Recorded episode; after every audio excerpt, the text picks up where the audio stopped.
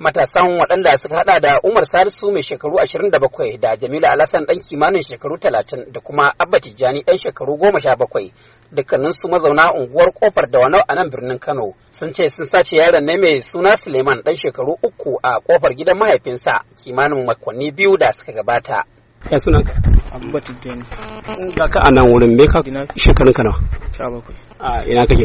ƙofar da wani Me yasa kaga cewa ya kamata ka sace ɗan mutane ɗan shekara uku? tausayi ne yani ina neman kuɗi kuma ba ba wani ne ya zo ya ja ni ba wani ne ka zo ya ce min dole sai na yi ba gaskiya Ajin ka nawa?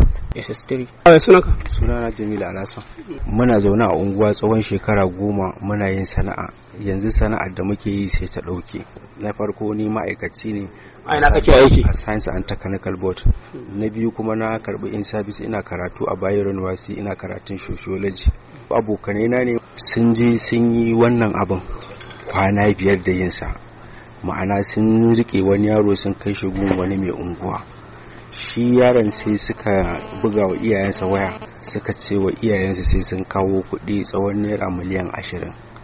To a wannan lokacin sai uban yaron ya ringa ba su haƙuri ya ringa ba su haƙuri ya tsorata.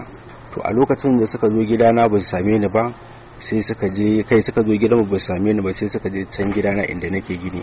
Don maganar aure na yanzu saura kwana goma sha takwas. Ina yin aiki na tuɓe ana yin aikin na kaina.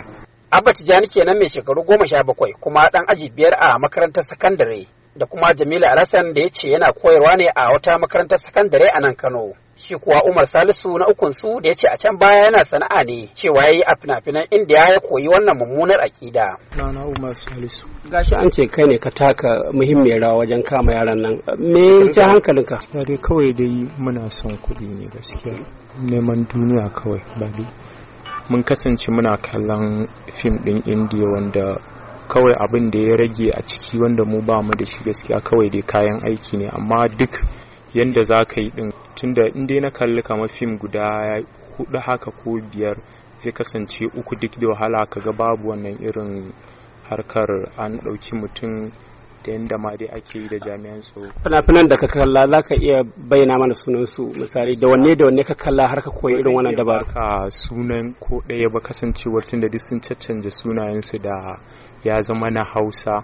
Malam Rabi Garba shine ya jagoranci jami'an hukumar ta DSS wajen kama waɗannan matasa da kuma ceto yaron da suka yi garkuwa da shi. bayan mun karɓi wannan complain da yake dama aikin mu ne sai muka ci gaba da yin abin da ya dace kuma cikin 'yan kwanaki kaɗan allah ya ba mu nasara muka samu waɗannan mutanen muka kama su kuma muka yi amfani da su suka nuna mana inda suka aji yaro muka fito da yaro a cikin ƙoshin lafiya su kuma muka kama su kamar da kuka gansu Gashi yanzu kun kama su kuma an sami yaro kuma har ma kun danka shi ga iyayensa.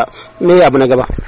abu na gaba shine za mu iyakacin kokarinmu mu tabbatar da an hukunta su abin da ya dace na doka an yi musu saboda ya zama horo ga wasu da ke da niyyar yin haka Alhaji Ibrahim Suleiman da ke zaman mahaifin yaron da aka sace din ya bayyana godiya ga Allah subhanahu wata'ala da kuma jami'an hukumar tsaron ta DSS. Ana gaya min cewa jami'an ss sun samo wannan yaro da kuma su kansu masu laifin. Wallahi take sai na ji hawaye ya zubo min kuma na yi farin ciki matuƙa ƙwarai da gaske har nake ganin abin ma kama a mafarki. Ss ko naira ɗaya ban ba su ba. Kuma ni a rayuwata ban taɓa ganin aikin da ya burge ni ya bani sha'awa irin na jami'an ss ba.